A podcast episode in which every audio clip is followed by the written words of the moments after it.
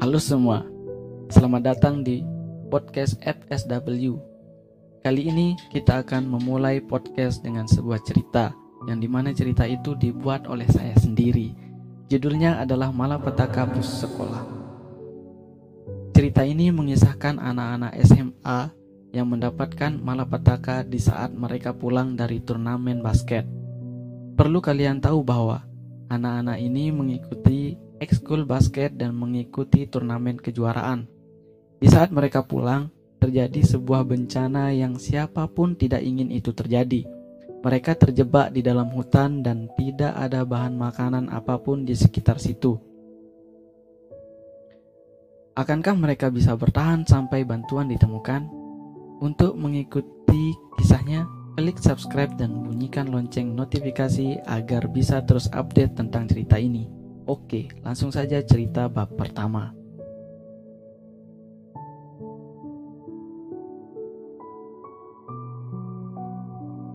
Namaku Manda. Aku adalah siswi SMA di salah satu sekolah di kotaku. Pagi itu, saat jam istirahat pertama, tiba-tiba si Zuki, teman sekelasku, dia menghampiriku dengan membawa sebungkus plastik makanan dan juga jajan dari kantin sekolah. Zuki, kenapa kamu bawa makanan sebanyak ini? Kataku. Zuki pun tanpa menjawab langsung membuka bungkus plastiknya dan membuka jajan satu persatu tanpa menghiraukanku yang sejak tadi bengong karena Zuki membawa terlalu banyak makanan. Sudah, makan aja, kamu nggak mau.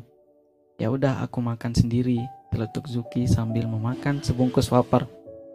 Eh, bukan gitu. Maksudku kenapa kamu bawa makanan sebanyak ini? Kamu ulang tahun, kataku.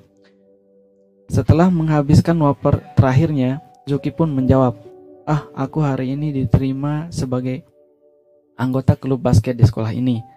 Awalnya coba-coba sih, ternyata aku masuk klasifikasi dan diterima deh. Hehehe.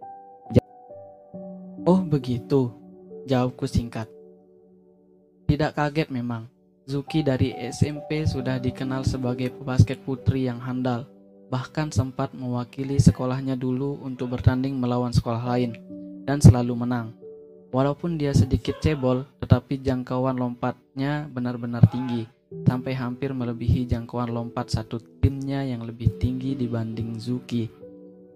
Oh, bengong aja kamu, sahut Zuki tiba-tiba. Ah iya, aku cuma membayangkan aja gimana kau bisa sehandal itu ketika main basket, kataku datar. Zuki tanpa berpikir. Aku sempat menebak dalam hati jika jawabannya adalah latihan setiap hari, tapi jawabannya adalah ya, karena udah bakat jadi ya gini. Jawabnya, entah mengapa aku merasa geram dan menggerutu sendiri dengan jawabannya. Walaupun bisa dikatakan hal itu tidak salah sama sekali. Maka dari itu aku ingin melatih bakatku dengan masuk ke klub ini. Dan karena aku diterima, aku neraktir kamu sebungkus makanan ini, tambahnya. Suka-suka kamu deh, jawabku singkat. Jajan dan makanan ini tidak seberapa baginya. Maklum, Zuki terlahir dari keluarga pengusaha yang perusahaannya sudah bercabang di mana-mana. Bahkan ada yang di luar negeri. Wajar jika ia sangat kaya. Walaupun begitu, ia tidak pernah pilih-pilih teman kecuali satu, kapten basket yang ia masuki sekarang ini. Aku pun tidak tahu apa yang membuatnya benci dan tidak suka dengan kapten basketnya. Dan aku tidak akan menanyakan sampai ia bercita sendiri. Teng tung teng tung, bunyi bel sekolah yang menandakan waktu istirahat telah usai. Zuki, masuk kelas yuk. Ah, maaf Manda, Aku ada urusan sebentar dengan klub basket. Nanti aku nyusul ke kelas. Teriak Zuki sambil berlalu meninggalkanku. Oke, aku tunggu ya. Balasku dengan berteriak juga. Aku pun kembali ke kelas sendirian. Dan langsung menuju tempat dudukku. Semenjak kelas 1, sahabat terbaikku hanya Zuki. Dia bisa dikatakan selalu membantuku, bahkan hal sepele sekalipun. Maka dari itu jika di kelas tidak ada dia, sudah pasti aku merasa kesepian. Sementara itu di tempat lain, kita kekurangan anggota lagi, gerutu kapten basket di ruang klubnya. Zuki hanya bisa terdiam karena dia tidak tahu apa-apa tentang keluarnya salah satu anggota klub basket tersebut. Pokoknya kita harus mencari anggota lagi, tambahnya. Heh kamu. Seketika Zuki yang baru saja masuk ruang klubnya terkejut dengan panggilan itu dan langsung menjawab. Ya kak, ada apa?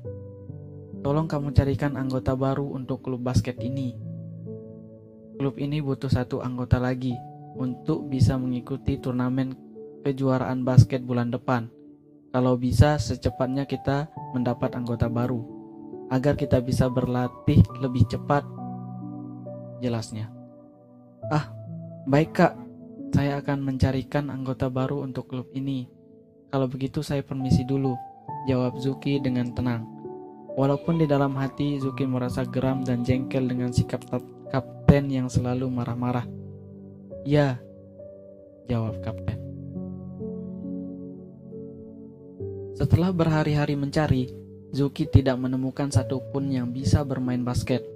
Kalaupun ada, orang itu tidak mau, lantaran sudah mengetahui ketusnya sang kapten di sekolah itu. Dengan sedikit lesu dan sedih, karena belum mendapatkan hasil, Zuki pun berjalan di trotoar kota dekat dengan sekolahnya. Seketika itu Zuki melihat ada orang yang bermain basket sendirian di lapangan terbuka. Karena ingin tahu siapakah orang itu, maka Zuki langsung menghampirinya dan mengamati. Siapa orang yang bermain basket sendirian itu? Manda, teriak Zuki setelah tahu kalau itu adalah Manda. Dan langsung masuk lapangan tersebut. Eh, Yuki ada apa? Ternyata kamu bisa main basket juga. Sejak kapan? Kenapa nggak cerita sama aku? Manda yang bengong karena Zuki merocos bak kereta yang sudah berjalan berkilo-kilo meter langsung menjawab pelan. Ah, aku cuma sekedar bisa, nggak jago-jago banget sih. Kebetulan tadi aku jalan-jalan sekitar sini, terus ada lapangan ini dan ada bola basket juga. Makanya aku sekalian iseng bermain di sini. Aku nggak bilang ke kamu karena kemampuanmu sudah di atas rata-rata. Apalah aku yang baru amatir. Zuki yang mendengar itu terdiam dan langsung merangkul Manda. Manda, kita kan teman. Bahkan aku menganggapmu sudah sebagai sahabat terbaik.